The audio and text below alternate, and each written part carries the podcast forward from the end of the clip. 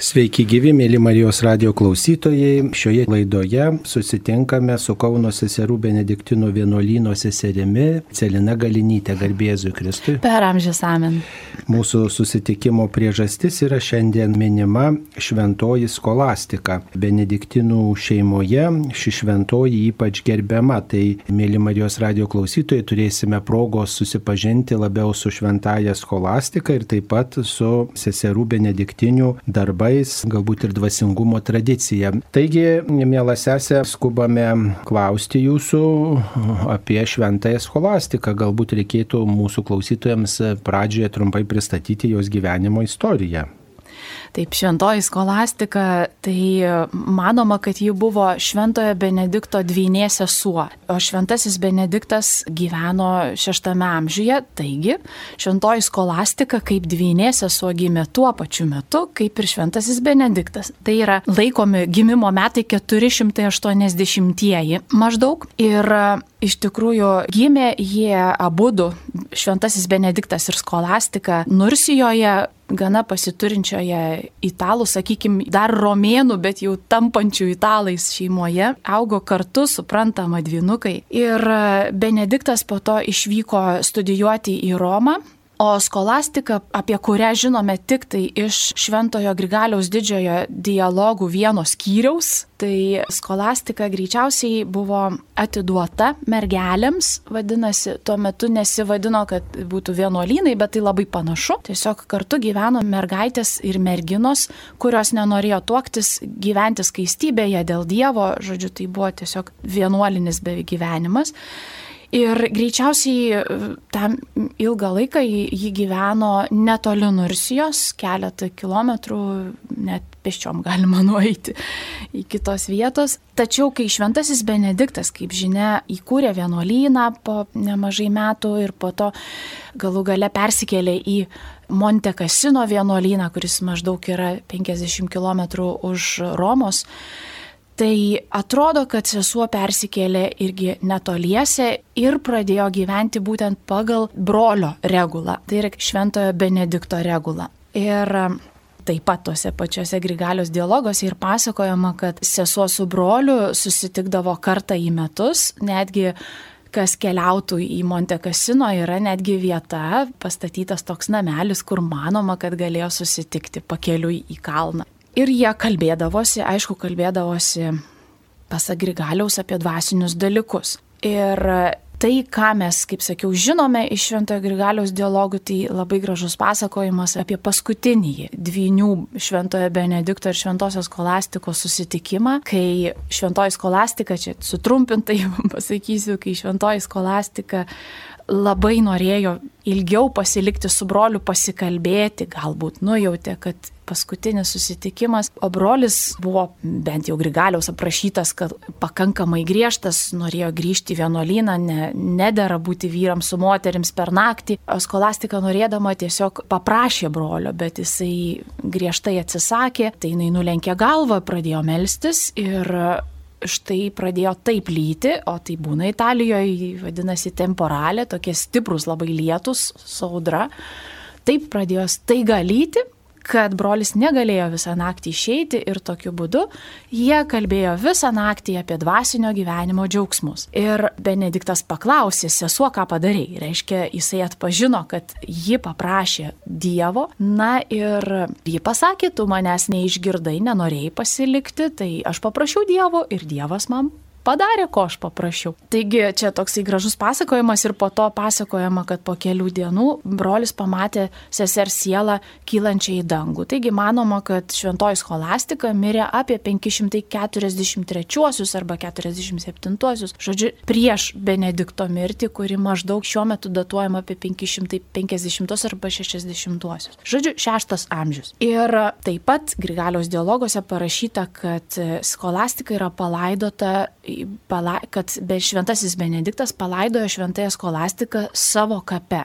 Tai buvo labai išimtinis dalykas, nes jau tuo metu buvo išėjęs dekretas, kad negalima laidoti savo kape savo artimųjų. Tačiau galbūt Benediktas nežinojo šito. Ir po to, kaip šventasis Benediktas mirė, jį taip pat palaidojo. Įdomu yra tai, kad archeologija šiais laikais patvirtina 1950 metais po visiško Monte Casino sugriovimo buvo atlikti nuoseklus tyrimai ir toj vietoj, kur ir buvo pagal tradiciją kapas ir buvo rasta dviejų žmonių kaulai ir tikrai vienas buvo vyras, kita moteris ir netgi, netgi ūgis pasakytas.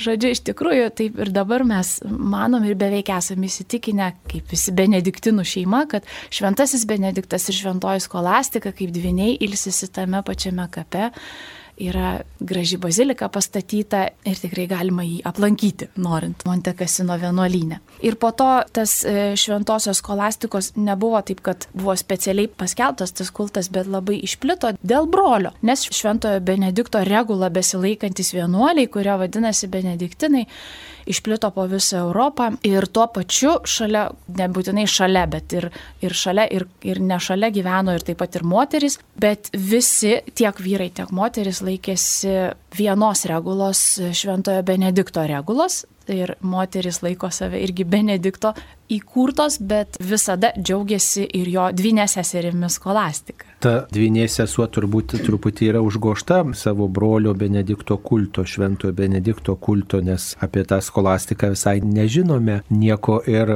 nėra turbūt seserų, kurios vadintų skolastikės yra šventosios kolastikos vienuolynas, bet irgi vyrų arba moterų. Yra vienuolynų tokių, bet tikrai nėra skolastikos vienuolynų. Man atrodo, kad iš tikrųjų tai buvo natūralu tais laikais, e, dar besibaigiant, sakysim, romėnų laikotarpyje, atsirandant viduramžiams, iš tikrųjų moteris visiškai natūraliai ir suprantamai užleido vietą vyrams, jo labiau, kad pati skolastika neparašė jokios regulos, kadangi visi benediktinai ir benediktinės vadovaujasi brolio regula, ar ne šventojo benedikto regula. Tai tokiu būdu ta skolastika taip ir neišryškėjo, galima sakyti šitaip. Tačiau benediktinų pasaulyje jinai yra tikrai gerbiama, ją melžiamasi ir dauguma benediktinų ir benediktinių, aišku, benediktinių tai visos, bet e, dauguma ir vyrų benediktinų šiandien tikrai švenčia šventosios kolastikos iškilmę. Na, taip pat ir jūsų bažnyčioje, Švento Mikalojaus bažnyčioje Kaune, kurioje jūs melžiatės, yra saugomas ir gerbiamas šventosios kolastikos paveikslas. Jį nutapė Simonas Čechavičius. Galbūt keletą žodžių galima pasakyti ir apie šį paveikslą. Na, vat, primenam klausytojams, kad gali lankydamiesi Švento Mikalojaus bažnyčioje be bent šiek tiek susipažinti su šventaja skolastika. Taip, su šventaja skolastika galima susipažinti ne tik mūsų bažnyčioje, galima ir Šventosios Kotrinos bažnyčioje Vilniuje, kur visą laiką buvo seserų benediktinių, vienuolių benediktinių, kurios gyvena Vilniuje. Abatijos bažnyčia, taip pat senosiuose trakuose ir ne vienoje vietoje yra šventosios skolastikos paveikslai. Mūsų bažnyčioje Šiaip menotyrininkai kalba, jog yra tai Čechavičiaus mokinių paveikslas, bet irgi greičiausiai 18 amžiaus tapytas paveikslas ir turbūt atsirado labai taip, kaip ir Benediktas ir Skolastika buvo dviniai, tai labai panašiu metu, kai buvo nutapytas Šventojo Benedikto paveikslas mūsų bažnyčiai, greičiausiai tuo pačiu metu atsirado ir šventosios skolastikos paveikslas, kaip sakau, dviniai kartu būna. Ir iš tikrųjų labai mažai mes žinom istorijos apie šitą paveikslą, nors jisai šiek tiek tyrinėtas e, menotyrininkų, bet turim dar taip pat vieną šventosios skolastikos paveikslą, kuris dar nesusilaukė menotyrininkų dėmesio. Jisai kabo mūsų vienuolyno viduje, bet jisai yra įdomus tuo, kad e, iš tikrųjų buvo sovietmečiu atrastas e, vieno žmogaus, kuris rado pas savo draugą palovą išplautą kaip skudurėlį. Tai tikrai mes iki šiol esam labai dėkingi ponui Geniui, kuris atpažino, kad ten yra neskuduras, o paveikslas ir tą paveikslą restauravo ir atidavė mums ir jis iš tikrųjų laukia dabar menotyrininkų dėmesio, nes tikrai yra pakankamai vertingas paveikslas, kur irgi vaizduojama šventoji skolastika. Galbūt galima atpažinti šventąją skolastiką, kadangi ją visada vaizduoja su balandėlė, su balandė ar rankoje, ar skrendančią, ar kažkaip tai, nes šitas atributas yra taip pat kilęs iš e, Grigaliaus didžiojo dialogų, kur, kaip jau minėjau, šventasis Benediktas pamatė balandės pavydalų savo sesers sielą skrendančią į dangų. Dėl šito taip pat tiek liturgijoje pačioje vartojamas balandės įvaizdis, tai susiję ir su giesmių giesme, tarsi siela kaip sutoktinė balandėlė, tai ir susijęs su, su šventąją skolastiką ir todėl jos vat, vienas iš tokių atpažįstamų, jinai vaizduojama dažniausiai kaip abatė, kaip benediktinė, labai dažnai to meto vienuolės apranga, abatės apranga, tai reiškia su lasda, nes ganytojo lasda ir su balandėlė.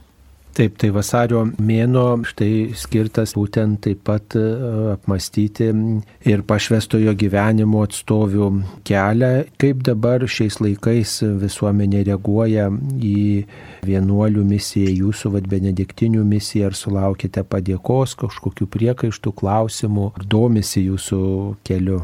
Iš tiesų, tai sunku būtų sakyti apie visuomenę bendrai, bet apie žmonės įvairius, tai kaip žmonės įvairūs, tai įvairi reakcija. Yra ir žmonių, kurie yra labai dėkingi už tai, kad esame, yra žmonių, galbūt e, labiausiai, kur kreipiasi tai maldos, pasitikė mūsų malda, mm, o čia jau ir Dievo reikalas, Dievas išgirsta tą maldą, tai mes esam labai laimingos, kad galim užtarti žmonės. Iš kitos pusės yra žmonių, kurie laiko mus visai nenaudingas ir čia bereikalo valgančias kitų pinigus. Yra žmonių, kurie mano, kad mes kažkokios keistuolės galėtume normaliai, kabutėse, gyventi, o, o čia gyvenam kažkaip keistai keistai.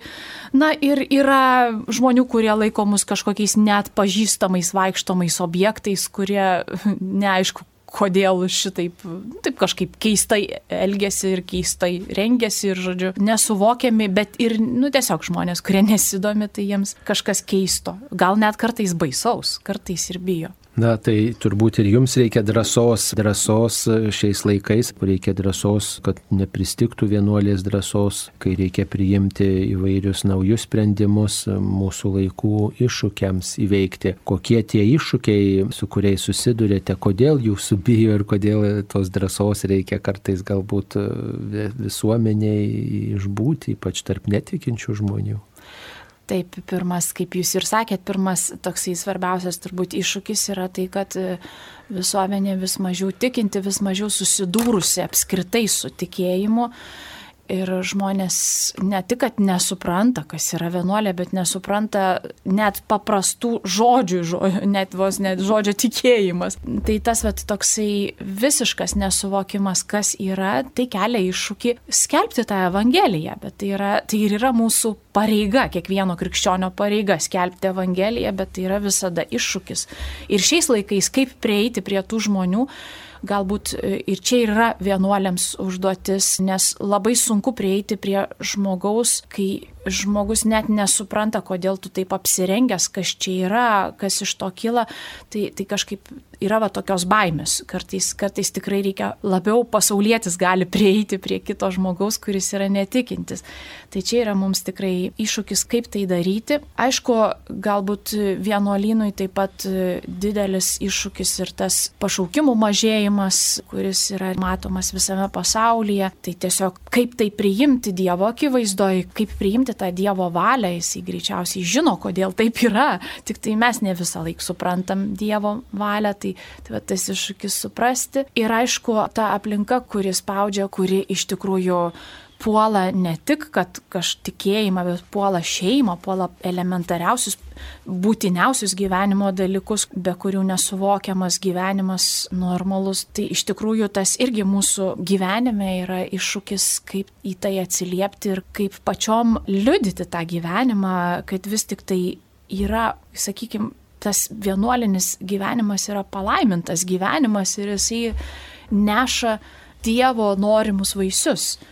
Bet čia aišku ir labai daug iššūkių, kai ateina, nu, dabar jau žmonės į vienuolyną, iš viską jie ateina, ačiū Dievui, jeigu ateina. Tai va tas individualizmas toksai labai stiprus yra tas apskritai dabar visuomeniai kriterijus malonumas, tai tiesiog reikia permastyti tą kriterijų, bet aišku ir bažnyčioje mes turime iššūkių, nes popiežius Pranciškus kviečia visus vienuolius atsinaujinti, kreipti dėmesį, kad nesustabarėtume, kad mes pačios prisitaikytume, išgirstume tą Dievo šventosios dvasios balsą, kviečiantį kitaip gyventi galbūt, bet mums kaip benediktiniams iš tikrųjų tai yra suvokiama ir įprasta, nes mūsų vienas iš įžadų yra vadinamas arba nuolatinio atsivertimo arba gyvenimo būdo, bet jo pamatas yra nuolat atsiversti, kasdien atsiversti. Tai yra ir yra tai, kam kviečia popiežius Pranciškus - klausyti šventosios dvasios balso. Labai įdomu tas e, nuolatinis atsivertimas, tai gal galite trumpai duoti receptą, kai mes girdim, girdim, atsiverskite, atsiverskite ir va prasidės gavėnios laikotarpis, tai ypač dažnai tas žodis aidės, skambės, ką reiškia atsiversti, trumpai, kaip pasakytumėte, ypač tas nuolatinis atsivertimas, jeigu aš atsiverčiau jau ir atradau Kristų, ką man dar čia daryti. Taip, iš tikrųjų kartais atrodo, kad nu, vieną kartą atradau Kristų ir viskas gerai. Bet iš esmės juk vienas dalykas, e, Kristus visą laiką mūsų ieško nuolat, nesvarbu, kiek mes kartu jį atradę ir su juo turim santyki. Tai vad tas atsivertimas kasdienis, sakysim, tai galėčiau taip sakyti, tas nuolatinis atsivertimas, tai būtų kasdien iš naujo atrasti Kristų, kasdien ieškoti, ko šiandien Jėzus nori iš manęs, kasdien žiūrėti, ką aš turiu atiduoti Dievui arba ką aš turiu paukoti, dėl ko turiu numirti, kad prisikelčiau dėl jo. Ir tai yra kaip ir sinodo kelias, turbūt popiežius žinojo, priminti, kad reikia priminti bažnyčiai, jog mes esame kelionėje, tai taip ir atsivertimas yra ta kelionė su Jėzumi, kelionė vis labiau įgyvendinant Evangeliją.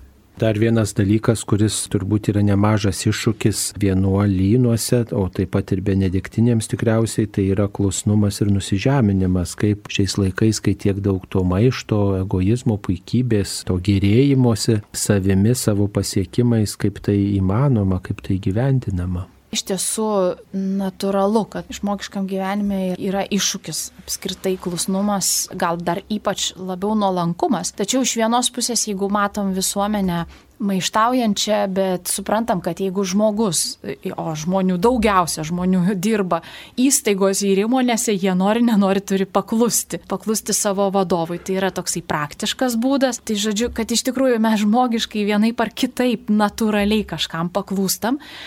Tačiau vienuolinė, kaip visam pašvestajam gyvenime, tai yra tikrai gyvenimas tuo paklusimu, kaip ir bendruomeniai, kaip ir apskritai, kaip sakau, vienas dalykas praktinis, jeigu nebus vyresniojo ir jam nepaklusi, tai bus chaosas ir nieks negalės gyventi. Tiesiog bus grinas chaosas, kuris kels įtampą. Tai tą irgi šventasis Benediktas irgi labai įvertino ir labai daug skiria dėmesio. Galima sakyti, visa jo regula yra pagrįsta klusnumu, tiek šitokiu praktiniu, kuris yra toksai būtinas bendruomeniniam gyvenimui, tiek dvasinė plotme, kadangi iš tikrųjų pirmiausia, mes visi, kurie sekame Jėzų Kristų, Jėzus Kristus pakluso tėvui ir sekame jo klusnumu. Ir norim, aišku, pirmiausia, norim būti paklusnus Dievui savo gyvenime, jeigu sekame Jėzų Kristų, tai norim ir jo pavyzdžių būti klusnus tiek jam, tiek Dievui. Ir tas santykis su Dievu yra tiesiog regimas per vyresnįjį. Ir tokiu būdu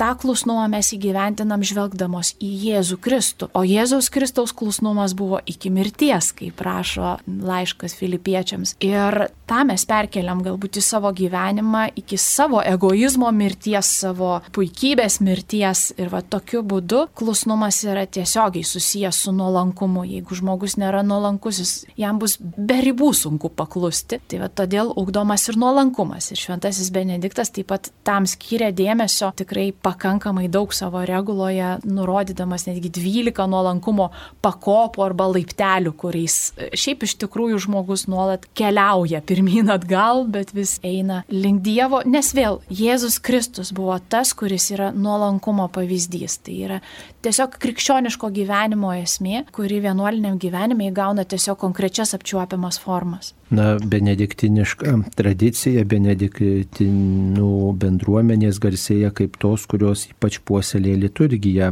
ir yra proga aptarti ir kaip mes bendruomenėse švenčiame. Tai ką galite pasakyti apie mūsų bažnyčių liturginį gyvenimą, apie tai, kaip žmonės įsijungia į šitą veiksmą? tikrai benediktinams e, turbūt pagrindinis, sakysim, darbas, nes iš tikrųjų Benediktas vadina Dievo darbuotę. Tai Dievas darbuojasi, bet ir benediktinai darbuojasi. Tai yra, kaip, kaip sako, kas jūsų darbas, tai būtų liturgija, tai būtų Euharistijos šventimas, tai yra šventosios mišės ir valandų liturgija. Ir žvelgiant taip tikrai, todėl galbūt galima sakyti, kaip benediktinams mums yra ir benediktinėms tiesiog, vadinkim, skauda liturgija. Ne? Tai nereiškia, kad viskas blogai, bet tai reiškia, kad mums labai svarbu. Žvelgiam į liturgiją bažnyčioje ir tai yra svarbu. Ir žvelgiam su troškimu, kad ji tikrai, kad būtų vertai švenčiama, vertai šlovinamas viešpats. Ir man atrodo, Lietuvos bažnyčioje tikrai yra, yra ta kryptis į tokį, į, į tą žingsnį žvelgti, vat, kaip, kaip iš tikrųjų geriau, kaip atitikti, kaip daugiau atitikti tą bažnyčios troškimą šlovinti viešpatį. Aišku, kad visko yra gyvenime, visai žiūrima. Galbūt man kartais liūdna, kad, sakysim, iki šiol galbūt seminarijoje, man atrodo, mažai buvo kreipiama dėmesio į tikrai tos kriterijus, kaip švesti tą liturgiją. Arba galbūt tikrai buvo daug dėmesio skiriama, bet tiesiog ne viskas visada būna svarbu žmogui. Tai kartais būna žiūrėti liūdna į kokią nors liturgiją, kokioje nors bažnyčioje, bet, nu, meldiesi, kad, kad žmogus bent kada nors susidomėtų, kaip iš tikrųjų geriau pašlovinti viešpatį, ne kaip atlikti, ne kaip padaryti kažkokią tai pliusiuką užsidėti, kad va čia ataukotos mišios, bet kaip ją padaryti tą, kuri gerbtų, kuri būtų pagarbus dalyvavimas dėl Dievo, kad būtų tikrai prasmingas įprasminimas viso to, kas vyksta Dievo garbiai. O dėl žmonių, tai irgi labai gražu matyti, kad vat, kai kuriuose parapijose labai stengiamas ir labai norima įjungti žmonės į liturgiją, nes kiekvieno iš mūsų tas dalyvavimas, pilnas dalyvavimas liturgijoje, aktyvusis dalyvavimas, kaip sako Vatikano antrojo susirinkimo dokumentas e, Sakrosanktum Concilium, tas aktyvusis aktyvusis dalyvavimas, jisai yra būtent būti bažnyčioje ir tik, pavyzdžiui, atsiliepti į atsakymus arba kartu gėdoti. Ir tai jau yra aktyvus dalyvavimas. O jo labiau, jeigu mes bandom suprasti ar šiek tiek įsijungti, ar skaitinius skaitant, ar tai kažkur tai prisidedant, tai tai yra nuostabus dalykas. Mes tada kartu dalyvaujame tave viešpatė šlovinime. Tai aš tikrai labai linkėčiau, ypač žmonėms suvokti, kad iš tikrųjų jų indėlis labai didelis. Būti mišiuose, dalyvauti ir suprasti, kas vyksta, tai yra didžiausias indėlis, ką kartais žmogus gali padaryti. Ir, ir manau, į tą mūsų bažnyčią keliauja ir gali keliauti. Na, Marijos radio klausytojai turi progą kasdien klausytis ir kartu melstis su benediktinėmis, kai yra gėdama dieninė malda ir taip pat vakarinė liturginė malda. Kaip jūs, kai, reiškia, melžiatės keletą kartų per dieną ir dažnai kartojasi ir tos psalmės ir skaitiniai ir tie tekstai, kaip nugalite rutiną, kuri vis dėlto kartais ir sumenkina mūsų dvasinį gyvenimą, mūsų maldos kelią. Iš tiesų, tai dažnai kyla klausimas apie rutiną ir dažnai būna, nes neįmanoma žmogui susikaupti nuolat.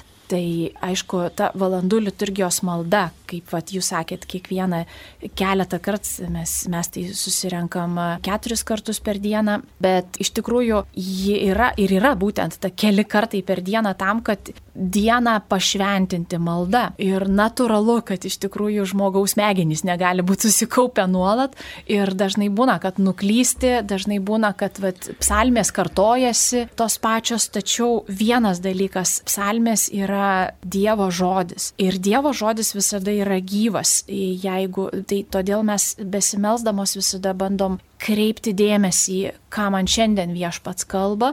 Tai vienas būdas, kitas būdas, aišku, kadangi irgi mūsų gyvenimas grįstas lekcijo divina, tai reiškia malda su šventuoju raštu, tai dažnai labai naudinga irgi paskaityti tas pačias psalmes arba tą pačią ištrauką šventojo rašto, kuris skambėjo ir su ją gyveni, ir su ją meldiesi ir tokiu būdu vėl atgaivina tą naują požiūrį į tai, kas gėdama, kas išsakoma. Na ir aišku, tam reikia vidinių pastangų, natūralu. Būna, kad pagalvoji ir apie kotletus, ir apie kažkokius tai kitus, kaip čia reikės daryti su žmonėmis, kaip čia reikės dabar kalbėti, ką čia reikia sakyti.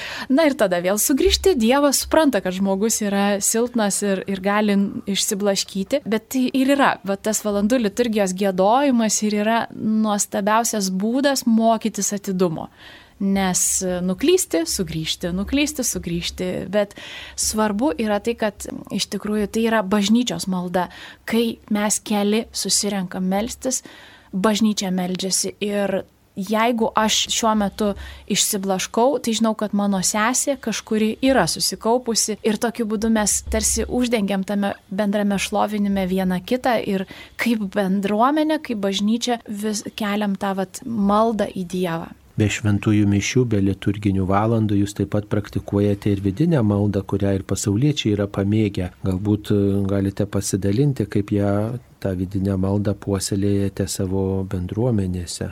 Iš tiesų, benediktinų tradicijoje e, maldos būdas nenurodytas. Aišku, šventasis benediktas, aišku, suprantama, kad ir šventoji skolastika davė tokią laisvę maldos formai. Kokia malda asmeniškai melstis Dievui. Suprantama, kad iš tikrųjų kiekvienas vienuolis turi savo asmeninės maldos laiką. Ir e, jei iš tikrųjų tai gali būti tiek e, vidinė malda, sakysim, šiais laikais gali būti netgi taip, kaip, sakysim, karmelitai meldžiasi, gali būti vidinė malda, kaip siūlo, pavyzdžiui, jezuitai arba, žodžiu, įvairūs būdai. Mes esame tik tiesiog laisvos pasirinkti būdą, kurio norim melstis. Tačiau pagrindinis dalykas benediktinams tai yra malda su šventuoju raštu.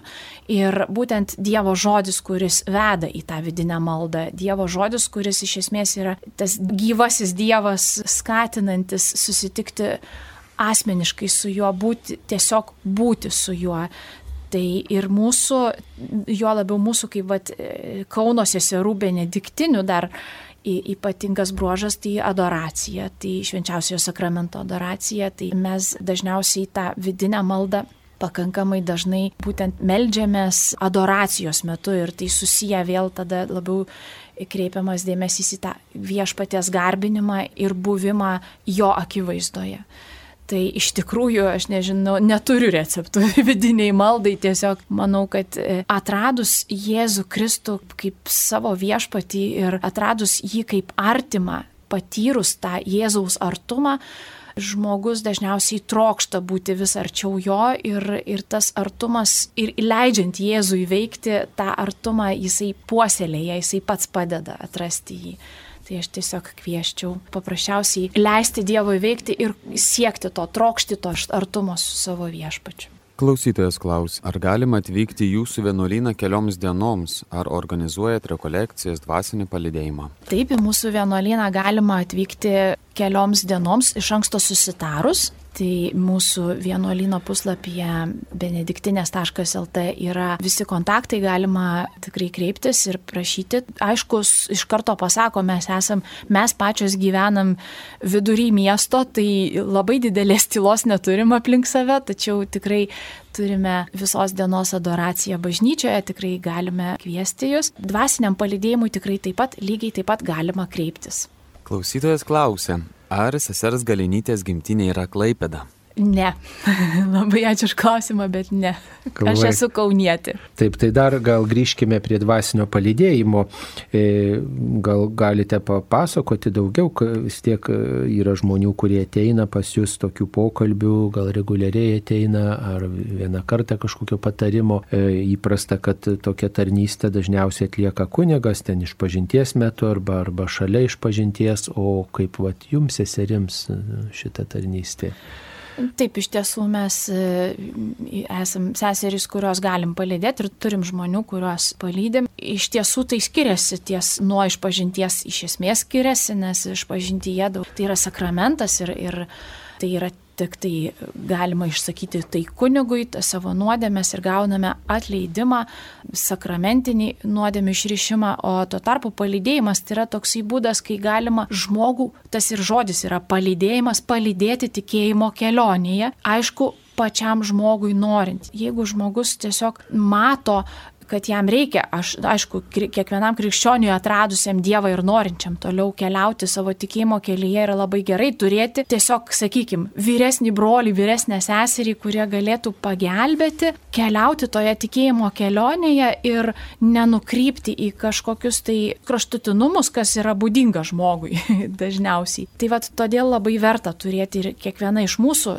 ieškom ir turim savo palidėtojus, todėl kad, sakyčiau, pirmiausia dėl to, kad Jėzus Kristus mums yra davęs bendruomenę ir mes ne vienas negalim vienas keliauti tuo tikėjimo keliu. Ir va tas, sakykime, vyresnis brolis ar sesuo, tai gali būti tie žmonės, kurie jau patyrė dvasinėme kelyje ir gali padėti atrasti tą didesnį gylį, ką aš kaip tik sakiau apie tą vidinę maldą, ieškoti Dievo artumo, tai kartais reikia žmogaus pagalbos, kad padėtų atrasti tą Dievo artumą. Ir taip pat padėti atpažinti savo gyvenime momentus, kuriuos kartais reikia kito žmogaus pagalbos, negali pats vienas atpažinti pasirinkime. Tai, vat, tai palidėjimas padeda atpažinti tą. Jisai gali būti ir vienkartinis, bet labai gerai, kai yra nuolatinis pastovus, nebūtinai e, jau čia susitariama su palidėtoju, kaip dažnai. Ir aišku, būtinai reikia reikėtų pasirinkti žmogų, kuris artimas, net ne šiaip bet ką pirmą pasitaikiusi, bet tą, kuris, sakysim, ir mes kiekvieną renkame žmogų, kuris mus augina. Ir aišku, natūralu, kad žvelgiam tada labiau į kunigystę, į vienuolius, ar tai vienuolės, bet taip pat yra pasauliečių, kurie yra parengti būti palydėtojais ir tikrai labai tikrai gilaus dvasinio gyvenimo ir labai nuostabiai palydė. Na, jūsų bendruomenėje taip pat yra tokios kelios grupelės, maldos grupelės, pasauliečiai ateina ir jungiasi drauge, meldžiasi ir jūs mokote to maldos gyvenimo. Gal ir apie tai galėtumėte papasakoti, kokios tos maldos grupės ir kokios galimybės įsijungti.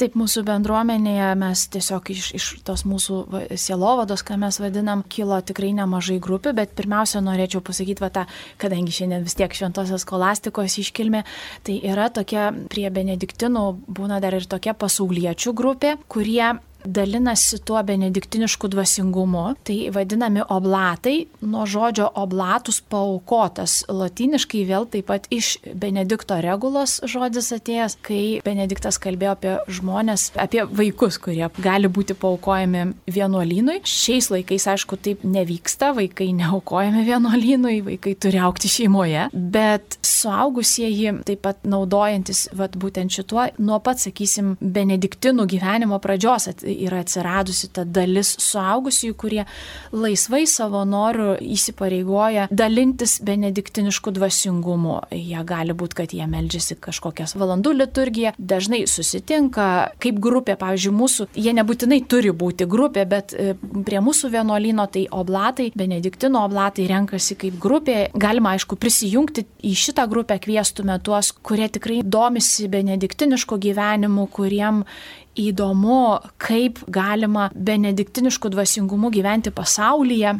Tai į tą grupę, oblatų grupę galima visada kreiptis į mūsų vienuolyną, mes pasakysim, pas ką kreiptis ir, ir kaip visa tai vyksta. O šalia to, tai čia jau toksai, sakysim, tiesiogiai susijęs su benediktinišku gyvenimu pasauliečių grupė.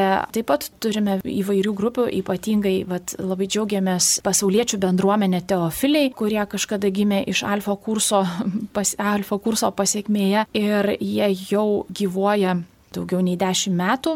Ir, žodžiu, tai yra bendruomenė, kurie savarankiška bendruomenė, bet jie iš tikrųjų yra mūsų labai dideli draugai, renkasi prie mūsų vienuolijos, mes labai daug bendradarbiaujam, į šią bendruomenę taip pat galima ateiti, galima bandyti, nes šita bendruomenė taip pat turi maldos grupę, tai yra charizminio tipo bendruomenė, meldžiasi taip pat su šventuoju raštu, įvairiais būdais meldžiasi, meldžiasi rožinį, žodžiu, įvairiai, tai irgi galima susirasti, galima galima ieškoti kaip teofiliai ir taip pat galima rasti skelbimus prie mūsų bažnyčios ir internete. Ir taip pat mes normaliai įprastai turime kiekvienais metais alfa kursą, kuris yra daromas tiems tėvams, kurių vaikai ruošiasi pirmai komunijai nes irgi rengiam pirmąjį komunijai, rengiam sutvirtinimui, taip pat su alfa kursu. Tai dažnai vat, būna, kad ir, ir lygiai taip pat galima sakyti, formuojasi dažniausiai ir bendruomenė kaip komanda. Ta komanda, kuri daro alfa kursą, tampa kaip bendruomenė. Taip pat žmonės keliauja tokią kelionę ir taip pat turime dar tokią trijų metų tokį ciklą, maldos mokykla vadinasi. Tai tiem žmonėms, kurie baigia alfa kursą, dažniausiai va tiem teveliam po pasirengimo, po to, kai vaikai jau pas, pabaigė pirmą komuniją, dažniausiai tėvai klausia, o kas po to? Tai, va, tai galim pasiūlyti tokį ciklą mokytis maldos jaukioj bendruomeniai trijų metų cikle tai būna. Tai ir po to žmonės arba pasirenka kitą bendruomenę, arba toliau tęsia, padėdami kitiems. Tai vad tokių įvairių veiklų turime. Ačiū Dievui, kad seserys e, įvairias veiklas puoselėje, nes ir Benedikto šūkis orat labora, melskis ir dirbk. Tai ir plėtoja seserys Benediktinės šitas tradicijas. Mėly Marijos radio klausytojai, šioje laidoje Šventojios scholastikos dieną kalbėjome su seserimi Benediktinė iš Kauno seserų Benediktinių vienuolynų, su seserimi. Celina Gelinytė apie šventąją scholastiką ir taip pat apie benediktinių tradiciją, nes šventoji scholastika buvo šventojo Benedikto sesuo ir šešto amžiaus šventoji. Taigi tegul globoja mus šventasis Benediktas ir jo sesuo scholastika ir tegul benediktinės, kągi moko mus visus maldos gyvenimo. Ačiū, kad dalyvavote šioje laidoje. Viešne kalbino aš kuningas Saulis Bužauskas. Ačiū, sudė. Ačiū Jums, su Dievu.